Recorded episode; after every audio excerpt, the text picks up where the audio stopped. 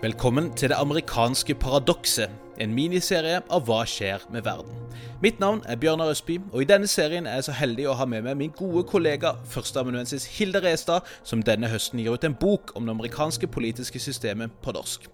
I det amerikanske paradokset skal vi bli bedre kjent med landet bak alle overskriftene som vi bombarderes med daglig, med glimt fra sentrale politiske og historiske utviklinger som har gjort USA til landet det er i dag. Og i denne andre episoden av serien skal vi ta for oss rase og de to politiske partiene. Gabriela.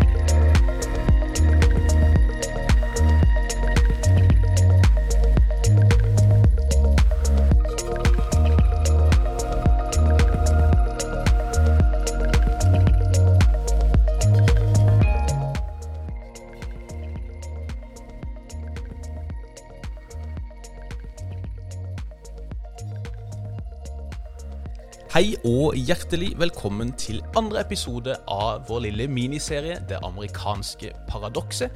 En miniserie lagd av Hva skjer med verden. Mitt navn er Bjørnar Østby, og i denne serien er jeg så heldig at jeg har fått med meg min kollega førsteamanuensis Hilde Restad. Hei igjen, Hilde. God dag, Bjørnar.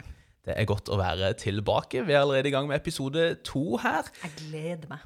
Eh, også. Første episoden handla om USAs på en måte grunnleggende paradoks. Vi lurte på om USA er født sånn eller har blitt sånn, og vi, vi så jo egentlig at USA har gått gjennom en identitetskrise nærmest hele sin eksistens, og på en måte alltid vært litt i krig med sine egne idealer. USA er en konstant identitetskrise. Ja, rett og slett. Og det ser vi jo veldig tydelig i, i disse dager. Men som siste episode eh, viste, og som vi tenker også i dag, så ønsker ikke vi å liksom bare snakke om de dagsaktuelle overskriftene i denne podkasten. Vi ønsker å gå litt dypere. Og det er jo nettopp derfor vi har med Hilde. Fordi Hilde har skrevet en bok om det amerikanske politiske systemet på norsk. Den kommer ut eh, nå i løpet av høsten. Inshallah. Inshallah. Og Derfor så eh, tenkte vi at det passer veldig bra å få med Hilde på dette nå i perioden som leder opp til valget. Så vi skal jo så klart prøve å, å, gjøre dette så dagsaktuelt som mulig, men hvis du skal forstå alle disse overskriftene, så er det ganske mye historikk og en del praktiske, politiske type trekk ved USA som eh, man må forstå. Og det er det Hilde er så snill og skal hjelpe oss med her. Og Sist uke så handla det som nevnt om dette grunnleggende paradokset ved USA. Hvordan USA har blitt det landet det har blitt. Og i dag skal det handle om de politiske partiene, og hvordan de har blitt sånn som de har blitt. Vi har jo kalt episoden 'Politiske partier i svart og hvitt', som jo kanskje forteller litt om hva fokuset kommer til å være her. Vi skal se på hvordan dette spørsmålet om rase har vært med på å påvirke kursene disse partiene har tatt over tid, og hvordan de faktisk har endra seg ganske dramatisk. Og i dag så tenker vi jo gjerne at Det demokratiske partiet det er type sentrum-venstreorientert. Det er stort sett sterke i byene, de er sterke i nord og i vest, mens det republikanske partiet er mer konservativt, det er mer skeptisk til føderalstaten, og de står sterkt gjerne i mer landlige områder. Men sånn var det jo ikke inntil ganske nylig, og faktisk så har det stikk motsatte vært tilfellet i mye av disse politiske partienes historie. Og det er det vi skal prøve å bli bedre kjent med i dag. Hvordan disse endringene her har skjedd over tid, og hvilke ganske viktige, viktige politiske utviklinger det er som har gjort at man har hatt en ganske omfattende omkalfatring egentlig av den politiske eh, Altså hvordan velgere har flytta fra ett parti til et annet. Ja, det er helt riktig, Bjørnar. Tusen takk. Tusen og, takk. og det er viktig å ha i mente at når man snakker om Det demokratiske partiet i en eller annen tidsperiode versus i dag, så er det ikke sikkert man snakker egentlig om det samme partiet på mange nettopp, måter. Nettopp. Mm. Og det er jo litt det vi skal prøve å klane opp i her. Vi kan jo kanskje ta en liten disclaimer først, bare med Vi nevnte det så vidt sist uke også, dette rasebegrepet. Det er Ja. jo ikke noe som kanskje føles så naturlig eller liksom passende å bruke. Det klinger ikke så veldig godt i norske ører, og egentlig er jeg glad for at det ikke klinger godt ja. i norske ører. Eh, Men det er et begrep som eh, brukes veldig mye i USA i dag, Mm.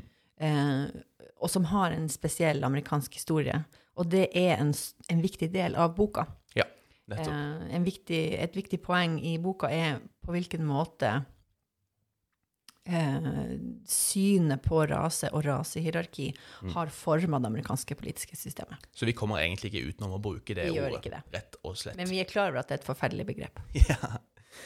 Og med den eh, disclaimeren liksom unnagjort, så må vi gjøre som vi gjorde sist uke også, Hilde. Vi må tilbake til begynnelsen eh, til USAs grunnleggelse. Vi reflekterte jo litt rundt når denne grunnleggelsen faktisk eh, var, men i dette tilfellet så går vi jo tilbake da til den offisielle grunnleggelsen, kan vi si. Den første i 1776. Og jeg var ikke klar over det, men, men, disse grunnlovsfedrene de var jo ganske skeptiske til politiske partier i første omgang. De var ikke egentlig så begeistra for et USA der politiske partier skulle være viktige aktører. Nei, det, det, er litt morsomt, fordi at uh, i USA så er man jo veldig Det er mye sånn Man er veldig opptatt av grunnlovsfedrene, og det, det er mye sånn uh, i, i er, de, de, er liksom idealer og idoler mm. i den amerikanske nasjonale fortellinga. Men de her smartingene, de så da altså ikke for seg. De tenkte ikke når de satte opp et helt nytt system, og de tenkte på hvilket valgsystem man skulle ha, og alt mulig rart. Men partier, det kom man jo ikke til å ha. Nei. Fordi det, det, var jo Partier var jo bare farlige fraksjoner som spilte på eh, basale personer og mm. sånn forenkla virkelighetsfortelling, og det trengte man jo ikke. Nei, og de var vel sårbare for korrupsjon også, ikke sant? Ja. Så eh, en av de tingene grunnlovsfedrene var redd for, var jo flertallets tyranni. Så de var veldig redd for at det skulle bli sånn at, at et eh, parti på en måte skulle klare å, å overbevise mange nok og, og, og, føre dem ned på en farlig sti. ikke sant? Mm, mm. Hva var det man så for seg skulle være liksom, alternativet? Nei, de hadde jo da et ganske idyllisert bilde av politikk. fordi at de så for seg et system hvor individuelle kandidater søkte stemmer på grunnlag, av, på grunnlag av sine personlige kvalifikasjoner og politiske meninger. Ja. Ikke på grunnlag av partitilhørighet. Men det er jo Konteksten er jo et politisk system hvor eh, kun hvite mannlige landeiere over 21 får stemme, for det første. Mm -hmm. Så det er en, en ganske godt utdanna velgermasse ja. som kanskje har tid til å sette seg inn i finne ut av alle de her individuelle kandidatene og ikke trenge den, um, det hjelpemiddelet som jo partiidentitet og, og, tilhørighet jo har blitt. Ikke sant. Så gjett hva som skjedde, Bjørnar. I mean, it's a humdinger. skal, vi, skal, vi, anta at de, de to feil? De tok feil. Eh, og ikke før Det er knapt inn i George Washington sin aller første presidentperiode. Han var jo USA sin første president. Mm. Så kom de seg ganske raskt over sin eh, antipati mot politiske partier. Så det, det, eldste eksisterende politiske partiet i USA, og et av verdens eldste nålevende partier, det ble grunnlagt eh, på 1790-tallet av tilhengerne av Thomas Jefferson og eh, James Madison. Det ble hetende Det demokratisk-republikanske partiet. Uh, og var motsatsen til det som utvikla seg i George Washington-administrasjonen, som var det såkalte føderalistpartiet, som vi ikke kanskje har hørt om, fordi det overlevde ikke så veldig lenge. Nei, nettopp. Eh, det demokratisk-republikanske partiet ønska å være eh, for republikansk styresett, imot sentralisert makt, imot det de mente var altfor pro-britisk og sentralstyrt politikk fra Washington-administrasjonen. Mm. Og så, i 1800, så vinner Thomas Jefferson eh, presidentvalg. Så fra og med 1800 så har du en lang æra av republikansk, demokratisk republikansk dominans. Mm. Og i 1844 så skifter partiet offisielt navn til å bare hete Det demokratiske partiet. Mm. Og det var et resultat av Andrew Jackson, som kanskje en del folk har hørt om. Stemmer. Som på en måte grunnla det republikanske demokratiske partiet på nytt mm. på 1820-tallet, som et parti ikke bare for sørstatsaristokrater, for det var jo Jefferson og Madison, mm. men nå som et mer sånn populistisk parti for vanlige folk, som da skal leses som hvite menn. Ja, nettopp, nettopp.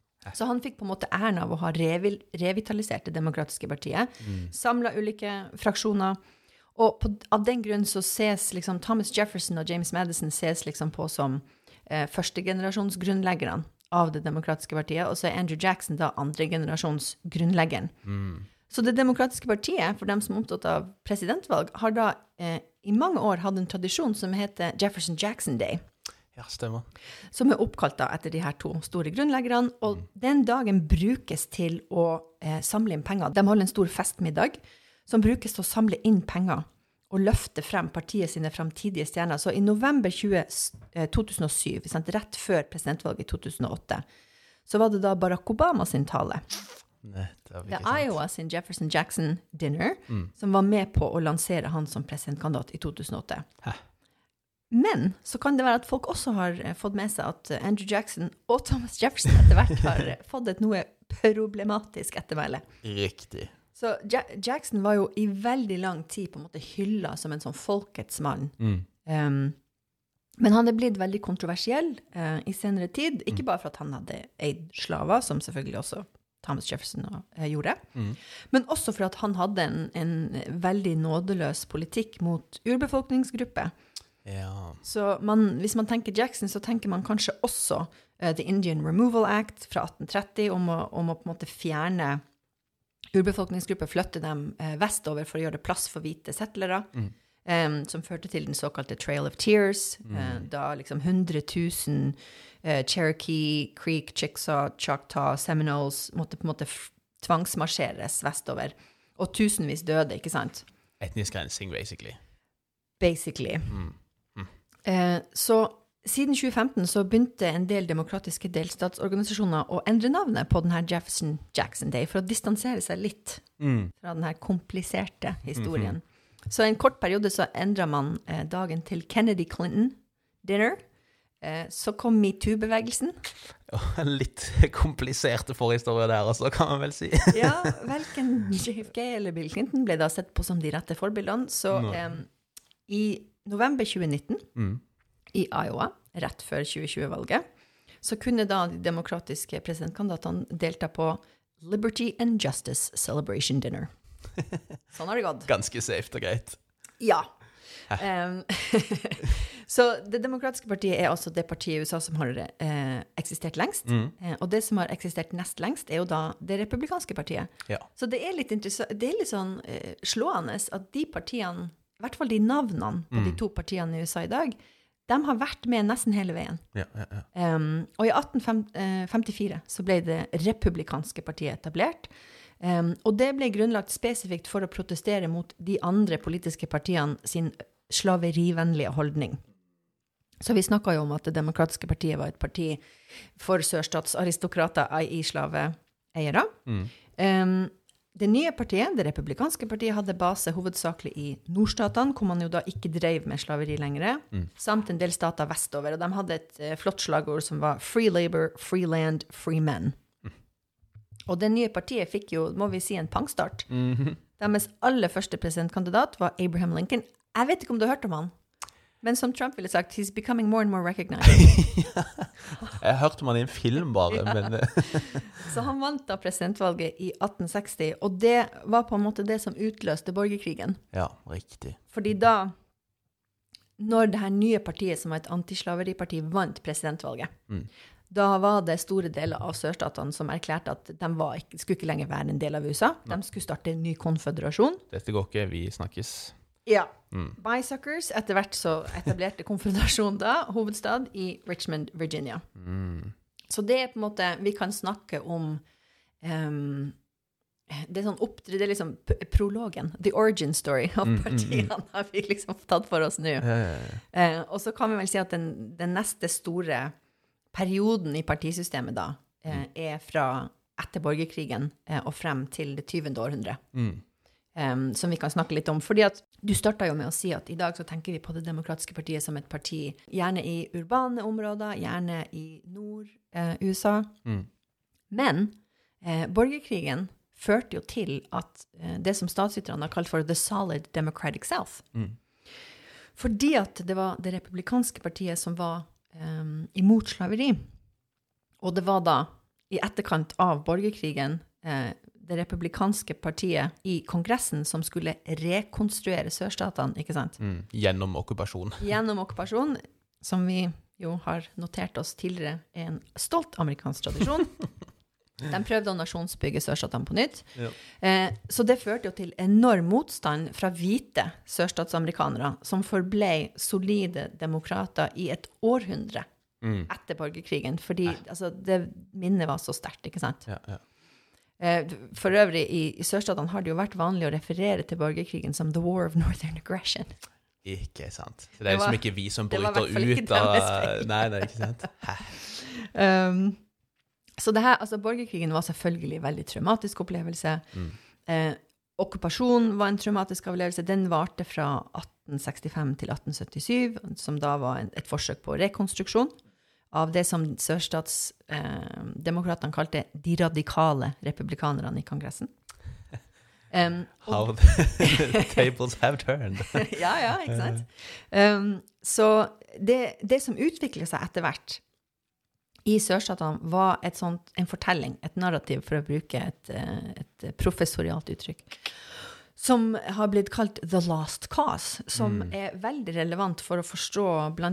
hvorfor det var en demonstrasjon i Charlottesville i 2017 for en, en borgerkrigsstatue. Ja. Så the, Var det her da alle disse gutta kom ut i, med fakler og full pakke? the Tiki Torch Terrorists, yes. Ja, ja. Så, så det utvikla seg en mytologi i sørstatene blant hvite sørstatsamerikanere som argumenterte for at OK, borgerkrigen hadde jo egentlig ikke handla om slaveri. Nei. Det handla bare om at sørstatene hadde rett til å løsrive seg og starte sin egen union og gjøre som de sjøl ville. Altså states rights. Så nordstatene hadde jo da frarøva sørstatene sin frihet til å gjøre sånn som de ønska. Det var jo tross alt et føderalt system, og delstatene skulle ha mye frihet. ikke sant? Og de hadde også ødelagt den gamle sørstatskulturen, der hvite slaveeiere og svarte slaver levde i harmoni. Mm. Med denne peculiar institution, Som de ble referert til som The Peculiar Institution. Så jeg kan uh, sitere fra en historielærebok i Virginia fra 1908. Generally speaking, the Negroes proved a harmless and affectionate race, easily governed, and happy in their condition. Så den her myten Ja, man blir litt sånn Man, man mister litt munnen om det. det. litt muskelsvinn. Ja. Ja. Så det, var- det utvikla seg en myte om uh, the antebellum South. Antebellum betyr før, før borgerkrigen. Um, om at det hadde vært harmoni, det hadde råda fred og harmoni i sørstatene. Uh, hvite sørstatsslaveeiere var mye mer um, var mye snillere og mildere mot sine slaver enn sammenligna med slaveeiere i Karibien eller i Latin-Amerika. Og det de radikale nordstatsrepublikanerne hadde gjort, var å ødelegge en hel kultur og en hel tradisjon. Mm. Og en økonomi. Og en økonomi.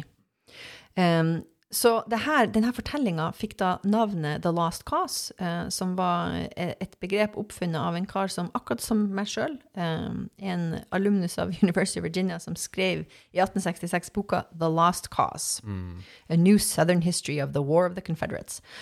Så det som utvikla seg etter hvert, var jo da at eh, etter hvert som rekonstruksjonen var ferdig, etter hvert som Jim Crow-segregeringa eh, skred frem, så begynte sørstatene å på en måte, på en måte gjenoppbygge seg sjøl med en fortelling om at de, hadde hatt rett, de hadde bare forsøkt å forsvare sitt noble levesett. Og man begynte etter hvert å eh, sette opp statuer og minnesmerker eh, mot slutten av 1800-tallet og begynnelsen av 1900-tallet for å kommemorere en måte, de, de, de stolte og modige sørstatssoldatene. Stemmer. Og det var ikke sånn Rett etter borgerkrigen så hadde man satt opp en del minnesmerker over de falne i krig, det er jo vanlig, på eh, eh, kirkegårder. Ja. Det som skjedde med The Last Cause eh, mye seinere, er at man setter opp statuer og minnesmerker i midten av byene. Ikke sant? Hæ? Og det kan du tenke deg, når eh, 30-40 år etter at borgerkrigen er over, og at slaveri er over, og at svarte egentlig, ifølge de nye grunnlovstilleggene, skal være likeverdige med hvite, Mm. så da er en svart amerikaner som bor i Richmond, Virginia, og plutselig ser du en enorm statue av Lee, sørstatsgeneral, satt opp i midten av, av bysentrum, da er det et ganske klart signal, sant? Jepp. Det er jo, uten at vi orker å gå inn i hele denne statuedebatten, da, så er jo dette et av poengene som har blitt eh, nevnt av mange, nettopp det at disse ble ikke satt opp rett etter krigen. Det er en del av liksom minneskonstruksjonen som skjer ganske mye seinere, faktisk. da. Det er en kamp om fortellinga om USA. Det er en kamp om fortellinga om hva borgerkrigen egentlig var. Og eh, en sånn fortsettelse av The Last Cause-myten er det her man ofte hø hører i sørstatene, it's heritage, not hate. Vi er bare opptatt av historien vår. Ja. Men det var en, hva man skal si, en skjønnmalt historie, Mhm. som ikke bare var uskyldig i og med at de hadde en sånn um, et rosa, eller sånn, hva man skal si, forgyllent syn på sin egen historie. Det handler også om å eh, skremme og true de lokale svarte, sant? Ja. Så det er it's, it's some heritage, quite a lot of hate. Ja, når du ser disse gutta med fakler som er liksom høyreekstremister og nazister, og det, det som verre er hvis det fins så er det ikke kjempetroverdig, kanskje, dette. Nei, ikke sant? Og på begynnelsen av 1900-tallet så har du da eh, sånn veldig viktige kulturelle eh, hendelser som, som, som eh, formidler det her Last Cause-fortellinga. For eksempel en veldig kjent film som heter Birth of a Nation, eh, som handla egentlig om at eh, det var Ku Klux Klan som var de egentlige forsvarerne um, Wow. av den egentlige amerikanske kulturen, hvit kultur. Um, det her narrativet det ser du også portrettert i eh, Tatt av vind, som er en eh, altså det er en fantastisk film, jeg anbefaler alle å se den, men det er ganske klart at den filmen er lagd i 1936, Ja. og, har- og, og har kjøpt The Last Cause-fortellinga. Mm. Det her er også tida, eh, begynnelsen av 1900-tallet, da Ku Klux Klan eh, på nytt gjenoppstår. Eh, Ku Klux Klan gjenopps- eh, først rett etter borgerkrigen som en sånn organisasjon som skulle beskytte de hvite sørstatsamerikanerne, eh, men ble da på en måte eh, knust av um, eh, president Grant, som hadde vært nordstatsgeneral, men så var, ble president. Så gjenoppstår de um, i begynnelsen av 1900-tallet eh, som en del av det her Last Cause-narrativet. Mm. Men da også ikke bare imot eh, eh, ikke bare imot svarte amerikanere og deres rettigheter, nå er de også imot det som kommer med økt innvandring på, på tidlig 1900-tall. Ja. De er imot katolikker, de er imot jøder. De er for å bevare sant, de det hvite USA og hvit makt. Ja. Og det her skjer jo da eh, i hovedsak i sørstatene, som da er kontrollert av det demokratiske partiet. Så sø hvite sørstatsdemokrater er en veldig, veldig viktig del Mm. av det demokratiske partiet. Eh, og det fungerer jo fordi at svarte sørstatsamerikanere er jo totalt eh, forhindra fra å få lov til å stemme, ikke sant? Mm. Um, Det er her Jim Crow kommer inn, og så videre. det her Jim Crow kommer inn, og det her, eh, selv om da svarte menn fikk stemmerett etter borgerkrigen, um, så som vi snakka litt om forrige gang, så var det mange smarte måter å forhindre det på, ikke sant, med poll tax, literacy tests etc., etc. Så em, det her er veldig viktig fordi at 90% av svarte amerikanere bodde i sørstatene på slutten av 1800-tallet. Så det betyr at de aller, aller fleste svarte amerikanerne, for all intents and purposes, fikk ikke brukt stemmeretten sin. Nei, nei, nei. Og derfor kunne du ha a solid Democratic South, for at de eneste som stemte i sørstatene, var hvite. Mm. Så det demokratiske sin hovedbase, det var i sørstatene. Ja. Og svarte fikk faktisk ikke lov å delta på Det demokratiske partiet sine landsmøter som offisielle representanter før i 1924. Så demokratene, hvis vi skal oppsummere, på begynnelsen av 1900-tallet, Mm. et konservativt, ruralt parti, opptatt av bøn, hvite bønder sin sak mot big business, altså industriherrene i nord, som da stemmer republikansk. Det var jo selvfølgelig i Andrew Jackson sin ånd, Mhm. og da også opptatt av um, hvite sørstatsamerikanere. Ja. Men så begynner det å skje mange ting eh, i starten av det 19. århundre, eh, 20. århundre. Eh, apropos de her industriherrene i nord, de skulle vise seg å bli en del av redninga, såkalt, eh, for svarte i sørstatene. Fordi at samtidig som første verdenskrig fører til flere arbeidsplasser i industrien, så fører også, apropos det jeg snakka om i sted, om innvandring i begynnelsen av 1900-tallet, fra Øst- og Sør-Europa, så fører strenge innvandringsregler på 1920-tallet til at stadig flere svarte da flytter fra sør til nord og vest for å få bedre betalte industrijobber. Ja, ok. Og det starter det som har blitt kjent som The Great Migration, som er en enorm hendelse i amerikansk mm. historie og samfunn. Så, så mange svarte amerikanere forlot sørstatene i første del av det 20. århundret at det på 1970-tallet var like mange svarte som bodde utenfor sørstatene som innafor. Og etter hvert begynner jo de her å stemme, ikke sant? Mm. Fordi da, da er man ikke nødvendigvis lenger praktisk forhindra fra å utrøve stemmeretten. Så det er en ny velgergruppe stiger frem. Og det endrer jo landskapet partiene må konkurrere i. Ikke sant. Så det er ganske vanlig å datere den siste um, hva man skal si, revolusjonen i partisystemet til borgerrettighetsbevegelsen på midten av det 20. århundre. og at det er fra der at man får en ny, stor utvikling. Men det starter egentlig litt før. Eh, For av de, de utviklingene jeg, snakker om nå, og ikke minst med, med Franklin Roosevelt sin, sin seier i presidentvalget i 1932.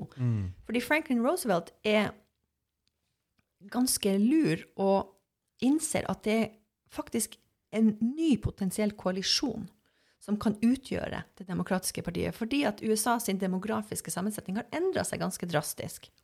Ikke sant. Så FDR han blir valgt i 1932. Da, da får han kun 23% av svarte stemmer. Så innfører FDR New Deal, massiv velferdssatsing etter den store depresjonen, som starta i 1929. Og den skulle vise seg å være ganske attraktiv for svarte amerikanere. Um, selv om bildet er komplekst? FDR er nødt til å appellere til hvite sørstatsdemokrater, og en del av eh, New Deal sine velferdsprogrammer favoriserer helt klart hvite amerikanere. For eksempel så fortsatte og på mange måter forsterka den nye føderale boligadministrasjonen, Federal Housing Administration, segregering og gettoisering, som vi kan se konsekvensene av i dag. Ah, ok. Ja. Um, men i sin helhet så var The New Deal et stort steg fremover også for svarte. Og da FDR vant gjenvalg fire år senere, så var det med 71% av svarte Ok, velgere wow. sine stemmer. Så FDR hadde jo en veldig mektig velgerkoalisjon. Han vant jo da hele fire presidentvalg. PS, det er ikke lenger lov. Etter at FDR vant fire presidentvalg, så fant man ut at kanskje vi skulle ha et grunnlovstillegg som sier at det bare er lov til å stille til valg to ganger Just. tenkte eh, republikanerne. Uh, Så det gjorde de. Eh, men det på en måte markerte da en ny æra, ikke sant? For nå hadde han en koalisjon da han fortsatt hadde hvite sørstatsamerikanere. Det var veldig viktig fortsatt for Det demokratiske partiet. Så var det bønder i vest, og så var det en del konservative i nord.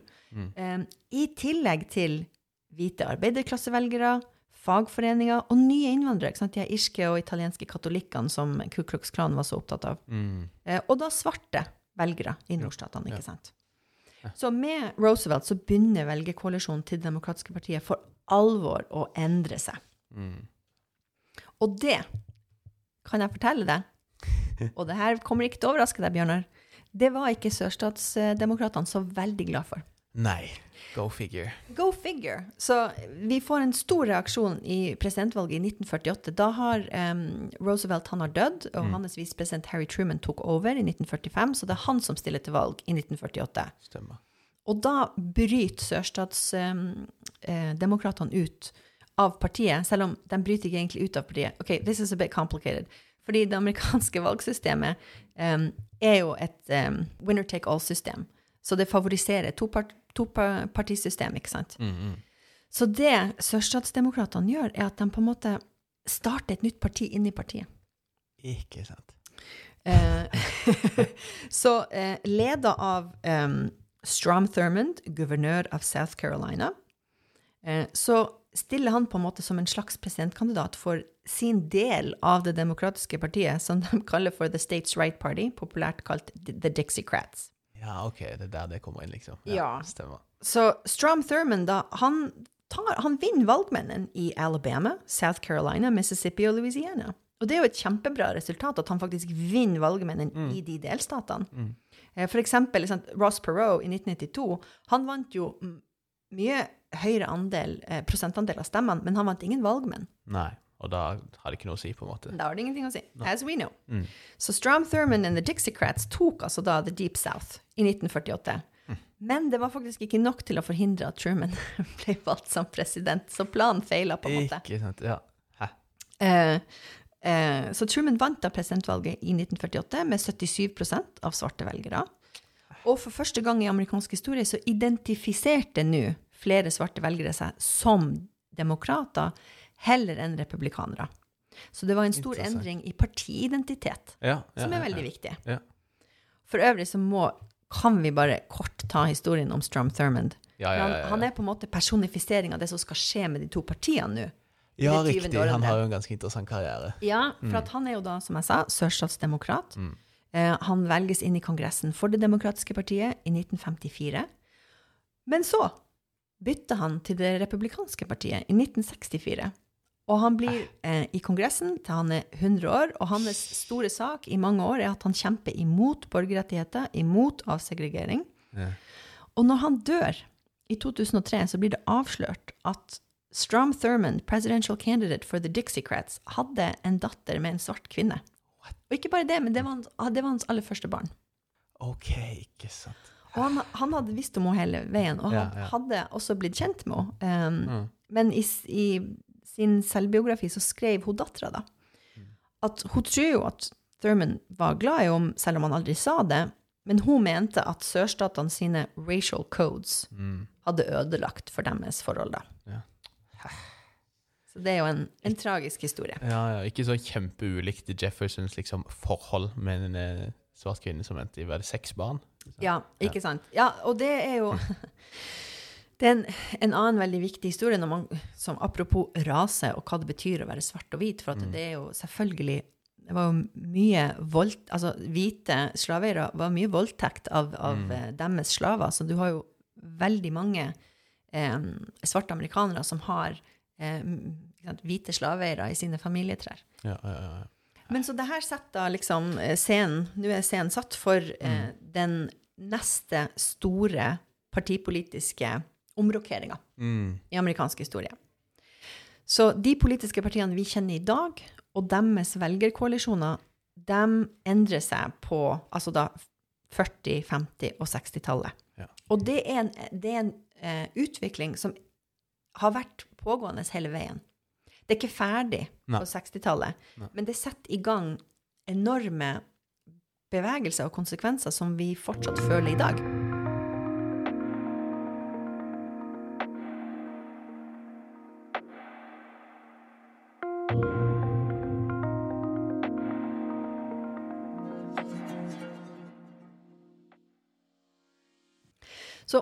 Hovedårsaken til, at, em, til det her er jo at Det demokratiske partiet sakte, men sikkert blir mer og mer opptatt av borgerrettigheter for svarte. Og de blir mer åpne for velgere fra nye innvandringsgrupper. Mm. Og de blir mer sosialdemokratisk i sin innstilling til statlige velferdsordninger, Mm. som jo da kommer eh, ikke-hvite amerikanere til gode. Ja. Og som respons så begynner da hvite sørstatskonservative å stemme på det republikanske partiet. Så vi ser en sånn enorm omsortering av velgere Mm. som fører til som kommer av og fører til en sånn, et ganske dramatisk rollebytte Mm. for partiene. Ja. Um, så du har en fantastisk um, bok som snakker om The Great White Switches. Da, the, the First Great White Switch var da i presidentvalget i 1964. Da har du Lyndon B. Johnson imot eh, ganske radikalt konservativ eh, republikaner Barry Goldwater. Mm. Da begynner hvite sørstatsdemokrater plutselig å stemme på den republikanske presidentkandidaten. Som gjør at han faktisk vinner delstater i sør, som jo på en måte er uhørt. Ja. Ikke sant, At en republikaner skal vinne. Det var the solid democratic south. Ja. Det skulle liksom ikke gå. Ikke sant? Og nå har det republikanske partiet plutselig Ja. vunnet eh, sørstatene. Men Lyndon Johnson vinner jo da i 1964. Mm. Eh, men etter hvert, ikke sant, så um, er det nok med Nixon og Reagan på 70- og 80-tallet at du får the second great white switch. Ja. Hvor eh, hvite sørstatskonservative ikke bare liksom holder seg for nesa og stemmer på republikanske presidentkandidater, men etter hvert også begynner liksom å identifisere seg sjøl som republikanere. Og da begynner å stemme på republikanske eh, politikere nedover på valgseddelen. Just. Og dette er jo ikke bare liksom sørstatsvelgere som ser til det republikanske partiet, men det er jo en aktiv strategi. Og det er det med Nixon vi ser det virkelig, denne liksom sørstatsstrategien fra det republikanske partiet. Ja, og det her er veldig viktig, ikke sant? Um, så særlig hvis vi da vi hopper fra 1964 til 1968, da stiller Richard Nixon mot Hubert Humphrey. Mm. Em, og da ser de republikanske valgstrategene at her er det store bevegelser på gang Mm. i velgermasser. Det det er noe stort som er i ferd med å skje. Hvordan nå- Nå har med I 1965, kan vi jo si, så kommer The Voting Rights Act, som da på en måte skal endelig gjøre det sånn at svarte menn og svarte kvinner faktisk kan bruke stemmeretten sin overalt i USA. Mm. Med det så kommer jo, så ser det republikanske partiet hm, Betyr det at vi kommer til å tape valg fremover fordi at vi ikke klarer å appellere til svarte amerikanere? Mm. Eller kan vi appellere til hvite sørstatsdemokrater Fordi hvis vi klarer det, så har vi en vinnerstrategi. Ikke sant? Så um, i 1968 så eh, implementerer Nixon sin valgkamp det som har blitt kjent som The Southern Strategy, som da er, har som mål å få de her hvite sørstatsvelgerne til å hoppe fra Det demokratiske partiet, Mm. Selv om de, sånn de har sentimentale tilknytninger til demokratene, så de er nødt til å på en måte bare få dem til å liksom komme den siste meteren over. Ja, ja, ja. Og en viktig del av sørstatsstrategien handler jo om å appellere til deres konservative holdninger i rasespørsmål. Fordi nå er Det demokratiske partiet uløselig knytta til borgerrettighetsbevegelsen, fordi det er under demokrat Lyndon B. Johnson at du får The Civil Rights Act and the Voting Rights Act. Så det de gjør da, er at Nixon eh, kjører valgkamp på states' rights. I don't know if you've heard this expression before. Bare spol litt tilbake i denne podkasten. Eh, og det skjønner alle hva betyr. Mm. I seg sjøl et um, uskyldig slagord som bare handler om at delstater må få lov å gjøre som de sjøl vil, føderalisme. Men alle vet hva states' rights egentlig betyr. Ikke sant. Um, det, for eksempel så betyr det at man er imot å bruke føderale tropper for å håndheve avsegregeringslover, som jo f.eks. Kennedy hadde gjort mot Alabama-guvernør George Wallace i 1963. Mm, mm, mm. Så det var en veldig smart måte å signalisere at man var imot hele den føderale borgerrettighetsagendaen på. Ikke sant. Hæ? For øvrig, i 1968 så fikk Nixon da også offentlig støtte fra Strom Thurmond, som jo kanskje var et viktig signal Ja, ikke om hvor Nixon kanskje sto. Ja, ja, ja, ja. Um, Mm. Nei, og jeg jo det er interessant å se hvordan, og det viser du jo i boka di også, hvordan man liksom stadig finner sånne begreper og formuleringer som høres nokså uskyldige ut, men liksom If you know, you know, på en måte. Du vet hva, hva dette signaliserer. da, og, og En annen ting som, som vel Nixon bruker, og som vi har sett Trump bruke i senere tid, er jo dette med lov og orden, law and order, som en sånn, et slags sånn signal da, til kanskje spesielt de som liksom, bekymrede sørstatsvelgere. Ja, og det både i, i 1968, apropos det valget, så stilte de jo en viktig tredjepartikandidat. Det var George Wallace, tidligere nevnt sørstatsguvernør fra Alabama, som hadde vært imot avsegregering av deres skolesystem. Og han ble vel kjent for rett og slett bokstavelig talt stå og prøve å hindre svarte studenter i å komme inn på skolen. The, the stand in the schoolhouse door, det var Wallace, det var Wallace som faktisk plasserte seg sjøl i inngangsdøra, sånn at ikke svarte elever skulle få lov å komme inn. Og det var da føderale tropper kommer og sier dette Det var da. Kennedy sa enough's enough. Ja, ja. Um, så han stiller som tredjekandidat eh, i 1968, som gjør at Nixon virker, mye, virker som den moderate, fornuftige kandidaten. ja, ikke sant, ja. Eh, og Wallace bruker law and order masse. Mm. Eh, snakker om at eh, man trenger lov og orden i gatene. Og det er helt åpenbart hva han mener, ikke sant? Mm. Um, men det er da eh, ikke sant, at det, kan, det, det er sannsynlig at det, kanskje, at det kanskje tolkes forskjellig i nordstatene og sørstatene. Mm. At kanskje republikanske velgere i nord og vest ikke nødvendigvis har samme assosiasjoner. Så det er en ganske smart måte Mm. eh, å drive valgkamp på. Ja, og alle tenker jo det er bra med en rettsstat og med orden i gatene, på en måte, hvis det er det man mener, ikke sant? Ja, ikke sant? Så derfor tenkte jeg det var interessant å, å lese Martin Luther King, som skrev eh, sitt brev fra Birmingham fengsel i 1963, hvor han sa at han mente at nesten at de svarte sin store hindring på vei til frihet, det var ikke Ku Klux Klan. Mm. Det var hvite, moderate velgere som var mer opptatt av orden enn de var opptatt av rettferdighet. Og det satsa Wallace og Nixon på i 1968, og det funka for Nixon. Mm, mm. Kan, vi, kan vi bare ta en bitte liten parallell da til Trump? For liksom, Jeg prøver å ikke se altfor mye på Trumps feed, men stadig vekk så står det jo bare 'law and order' liksom, med store bokstaver og tusen eh, utropstegn. Og det henspiller vel på mye av det samme greia, da, liksom, og kanskje et håp om at den strategien kan funke nok en gang. da. Ja, ikke bare det, men han driver stadig vekk og tvitrer om, om forstedene. Og at eh, Ja. Biden kommer for å ødelegge forstedene, som han, som han nok tenker er eh, i hovedsak bestående av hvite amerikanere. Men som, altså, de amerikanske forstedene er også eh, i ferd med å endre sin demografi ganske kraftig. Mm. Um, så han eh, Altså, Trump er jo ganske gammel. Han husker 1968 veldig godt. Mm. Og han har assosiasjoner til hva det, hva det betyr å snakke om lov og orden og, og forsteder som Ja. truer Ja, ja, ja. som kanskje ikke helt samsvarer med hvordan det er på bakken nå, da. Nei. Eh, Men det er nok derfra han har det. Mm. Eh, Og han husker, han tenker sikkert at i 1968 så var det en strategi som fungerte. Mm. Um, men det er ikke sikkert at det stemmer. Så langt så virker ikke det som om det stemmer i meningsmålingene. Nei, nei, nei. Hvis vi går tilbake til vår liksom, tidslinje her, da, så, så, ser vi jo store endringer under Nixon og i den valgkampen der. Er det under Reagan dette her, disse nye partiene på en måte, og de nye velgerbasene virkelig sementeres, og, og, vi på en måte får de to forskjellige velgerbasene som vi ser eh, den dag i dag, more or less? Ja, men det er, eh, det er nok en, en saktegående utvikling som, som, fortsetter på 90- og 2000-tallet. Men ja, ja, jeg tror at eh, med Reagan i 1980 og, og 1984 godt hjulpet av en ganske berykta strateg som heter Lee Atwater, mm. så ble de veldig flinke til det her. Ja, ja, ja. Um, og Reagan ble jo den presidenten som endelig på en måte sementerte de hvite sørstatsvelgerne nå som republikanere. Mm. Um, og også den som klarte å lokke til seg mm, kristenkonservative.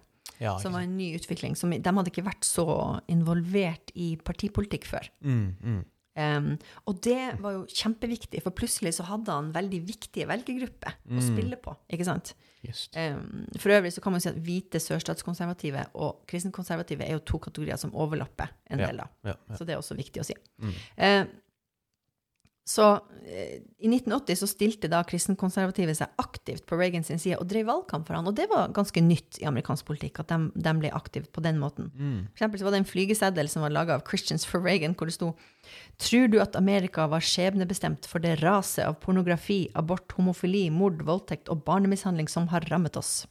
Ikke sant. Sterkt argument. Sterkt argument. Vi ser nesten litt sånn QAnon-greier her også, med sånn barnemishandling og dette her greiene. Det er ikke noe nytt, altså.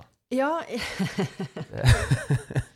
Men la oss ikke snakke om QAnon i dag, vær så snill. Jeg har ikke drukket nok kaffe. Men eh, så eh, sørstatsstrategien ble på en måte videreført da, mm, av mm. Reagan og Atwater i og med at man brukte stadig mer subtile ja. eh, koder. Mm. Um, man, man, hadde et negativt fokus på statlige ordninger som, som, kanskje kom til å tjene svarte amerikanere mer enn hvite amerikanere, mm. ved å bruke kodeord som f.eks. 'welfare queens', som, som, Sally Reagan spilte på. Okay. Um, så, som kunne appellere til hvite middelklassevelgere både i nord og i sør, som mente nei, men du må jo jobbe hardt, og du må fortjene det hvis du skal få noe fra staten. Ja, Er det her da også vi får liksom disse narrativene om at å, disse, om det er innvandrere eller om det er svarte, de er late, liksom, og de bare snylter? på en måte. Ja. ja. Eh, eller det at svarte amerikanere er late, har vært en, eh, en konstant fortelling ja, ja, i USA. Mm, mm. Um, men så. Nå har jo vi snakka veldig mye om rase og rasisme, mm. og hvor viktig det har vært for partiene. Mm. Eh, og det er fordi det har vært et av de absolutt viktigste, en, en, av de absolutt viktigste faktorene for å forklare hvordan partiene har posisjon, posisjonert seg, og hvem de har appellert til. Mm. Men så er det jo andre ting som også skjer. Ja. Det er jo ikke bare eh, rase og rasisme. Mm. Så ikke sant eh, Økonomiske faktorer er også viktige, selv om jeg må få understreke at de her tingene henger sammen. Mm, ja, ja. Men det er jo noe stort som skjer i sørstatene etter andre verdenskrig. Um, man utvikler aircondition. Ja. Så plutselig så blir sørstatene levelig. For en som har tilbrakt en del somre i Virginia, så kan jeg bare si jeg fatter og begriper ikke hvordan folk overlevde før aircondition. eh, men godt, så godt klima, mm. eh, både innendørs og utendørs. Mm. Mye mindre streng regulering av industri, sant? mye svakere fagforeninger enn i nord. Ja. Og etter hvert da mindre fokus på Jim Crow og, og rasisme. Det fører etter hvert at sørstatene eh, vokser og får et sånt hyggelig kallenavn. Ikke sant? Mm. Sunbelt. Den ja. blir en region som tiltrekker seg mm. flyttere fra nord. Eh. Eh, og det starta allerede under krigen, for du får en massiv tilflytning til krigsindustrien, som da er basert i sør, gjerne. Ja, ja, ja. Så litt av denne her migrasjonen ut reverseres på en måte da egentlig etter krigen? Ja, du får gjerne hvite folk hvite i nordstatene som kommer til sør, ja. ja mm, mens mm. svarte da, in the great migration flytter ut. Eh, um. Og så, så solbeltet det endrer seg fra å være veldig landlig, veldig ruralt, rural, til å bli økende urbant mm. og, og, industribasert. Og. Det er jo en kjempestor endring. Mm. Um, og fra og med 70-tallet så vokser sørstatene sin befolkning relativt til de andre regionene. Det er også nytt. Mm. Og med sin da nye industrisektor så blir de en viktig økonomisk motor for USA. Um, så det her sammenfaller jo med at sørstatskonservative også får en mye viktigere rolle i partipolitikk. For de går jo fra å være sant, håret i suppa til Det demokratiske partiet til å bli en veldig viktig maktfaktor i Det mm. republikanske partiet. Og den her, altså konservativ ideologi, den, den gjør jo et stort comeback ikke sant? etter at demokratene har dominert amerikansk politikk med FDR, JFK, LBJ um, fra 1932 til 1968. Så, ikke sant, så kommer Nixon og så Ronald Reagan with the Republican um, Conservative Revolution med en, en sånn The government is not the solution, it's the problem Ja, ja. som oppsummerer denne nye konservative holdninga til sentralisert statsmakt og overformynderi. Mm. Og fokus, sant? Et fokus, Hvis du har det økonomiske perspektivet på states rights, Mm. så kan du jo tolke det som, dersom du ikke har vokst opp i sørstatene, mm. et politisk program for individuell frihet og økonomisk liberalisme. Ja, ja. Em, og lov og orden kan da også tolkes som et uttrykk for mange bekymringer som velgere i urbane områder i nord og vest hadde. Mm. Uh, fordi at med The Great Migration så kommer også gettoisering. Mm. Med The War on Drugs så kommer også uh, mange problemer i urbane områder. Ja, ja. Og det var på en måte de velgerbekymringene også Nixon kunne spille på Mm. når han snakka om The Forgotten Americans, The Silent Majority, for øvrig også et uttrykk som Trump Ja. bruker. Just. Um, så det, det er på en måte There's some plausible deniability blant noen velgere som ikke bor i sørstatene, Mm. om hva det her handler om. Mm, mm. Um, så det er ikke en enten-eller-forklaring. Det er ikke enten rasisme eller økonomiske bekymringer, som også for øvrig tenker jeg en analyse som holder seg i dag, om hvorfor stemmer, folk stemmer på Trump. Ja. Det er et samspill. Um, og det, fører, det, det, det er så utrolig mange konsekvenser av denne omrokeringa av befolkning og omrokeringa av partiene, Mm. Av borgerrettighetsbevegelsen. Du får white flight fra byene ut i forstedene. Det er derfor Trump tror at forstedene fortsatt er hvite i dag. Du får bussing av elever for å integrere skoler. Du får, ikke sant Um, den, den her gamle institusjonaliserte rasismen i sørstatene finner etter hvert en ganske naturlig partner i det republikanske partiet som ikke ønsker statlig innblanding i lokale ting. Når vi kommer til Reagan og, og slutten av 80-tallet, så har du to partier som har bytta side på en del ting og konsolidert ganske nye velgergrupper, Mm. som gjør at det partipolitiske landskapet har endra seg ganske stort. Ja, ja. Og det er jo det som muliggjør, i 1994, de som husker Newt Gingrich, Gingrich and the Republican Revolution, når uh, Newt Gingrich og republikanerne tar over Representantenes hus i 1994, så er det en Republican Revolution, fordi at det er 50 år siden sist at republikanerne hadde Representantenes hus. Og det får de til nå, fordi at de plutselig har masse representanter som er valgt inn fra sørstatene. Ikke sant, ja. Så derfor, når du spurte meg om er det her konsolidert og ferdig på 80-tallet, nei, Mm, mm, det, mm. det Det fortsetter. fortsetter. Ja. Fra president ned til senat, ned til Representantenes hus, ned til, til velgerkoalisjoner. Så det er på en måte ikke Det er ikke ferdig. Og, det, og, og jeg mener jo at det, det, er en, det, er en det er en pågående Altså partisystemet er en pågående Det er en organisme Ja, ja. som er i konstant endring, og så ser man ikke alltid på en måte skogen for bare trær eh, når man står i det. Mm. Eh, Men jeg mener jo at det vi ser i dag med de to partiene, er en konsekvens av eh, den omrokeringa av partiene i det 20. århundre, samt en enorm endring i USA sin demografiske sammensetning, ja. som vi jo også skal snakke om neste gang. Mm, mm, mm. Nettopp, nettopp. Sånn avslutningsvis, eh, det er kanskje litt tidlig å spekulere i ennå, men, men ser vi noe av det motsatte skje igjen nå? Altså Nå har vi jo fått eh, hvert fall noen sånne never-trumpers i det republikanske partiet som ser ut som de i hvert fall er villige til å stemme demokratisk enn så lenge, kanskje ved å holde seg for nesa, si. Men tror du det som har skjedd de siste årene under Trump, kan skape en slags motsatt migrasjon av velgere, eller er det for tidlig å, å si noe om? Så det ehm, Det syns jeg er et veldig interessant spørsmål. fordi at hva er Trump en slags motsatt Abraham Lincoln? Mm. på en måte. Mm, er han mm. en republikansk president som får eh, velgere til å måtte på en måte ta oppgjør Ja. med seg sjøl og sine meninger, og tenke at ok, men det her er faktisk uakseptabelt. Mm, mm, mm. Og det er jo litt, altså En del av kampen nå mellom de to partiene det, den, altså Trump har rett, den står i forstedene. Ja. Mm. Der i nyere tid det republikanske partiet har stått veldig sterkt, men der man ser at eh, det demokratiske partiet nå plutselig gjør det bedre. Ja. Eh, fordi at en del eh, øvre middelklassevelgere, en del hvite velgere, eh, plutselig beveger seg vekk fra det republikanske partiet som en reaksjon på Trump. Mm. Så jeg tror jo at Trump kan være en sånn faktor som på en måte kan eh, liksom speede opp farta i Mm. en utvikling som allerede var på gang. Ja. I en, en sånn sakte omrokering av, av velgerbaser. Mm. Så ikke sant, Det demokratiske partiet for eksempel, har jo siden Reagan prøvd å få tilbake de hvite arbeiderklassemannfolkene. Ikke sant? Good luck, guys. Men det har de prøvd på i mange runder. Bill Ja. Clinton var ganske flink på det. Ja.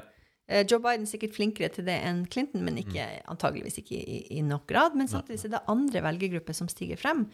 Um, eksempel latinos, Mm.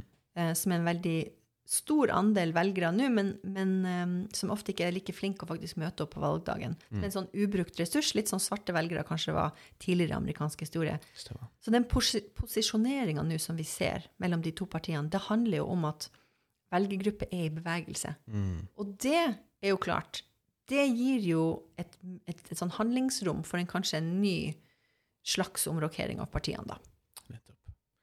Veldig, veldig interessant. Tusen takk for eh, at du er med nok en gang, eh, Hilde. Jeg lærer eh, veldig masse underveis, og det er jeg sikker på at de som lytter, også gjør. Det må han si, for jeg, Jeg, jeg sitter og torturerer han. Eh, Vi kommer jo tilbake igjen allerede neste uke. Vi Har du lyst til å, å eh, tease litt hva neste episode skal handle om? Ja, da skal vi snakke om polarisering, for det er et Mm. begrep som veldig mange bruker, og veldig få forstår. Riktig. Men det handler mye om det vi snakker om i dag. eh, Og det, det handler om rase, det handler om demografi, Mm. det handler om ideologi, og det er utrolig spennende. Veldig, veldig spennende. Jeg gleder meg. Tusen takk skal du ha, Hilde. Igjen så oppfordrer vi til å følge Hilde på Dagens DC på Facebook. Der kan du se litt mer dagsaktuelt stoff og følge med på hva Hilde driver med. Og jeg er helt sikker på at det kommer noen annonseringer også der når, når boka er ute. Nei da, skal forbigås i stillhet. Tusen takk, Hilde. Vi snakkes.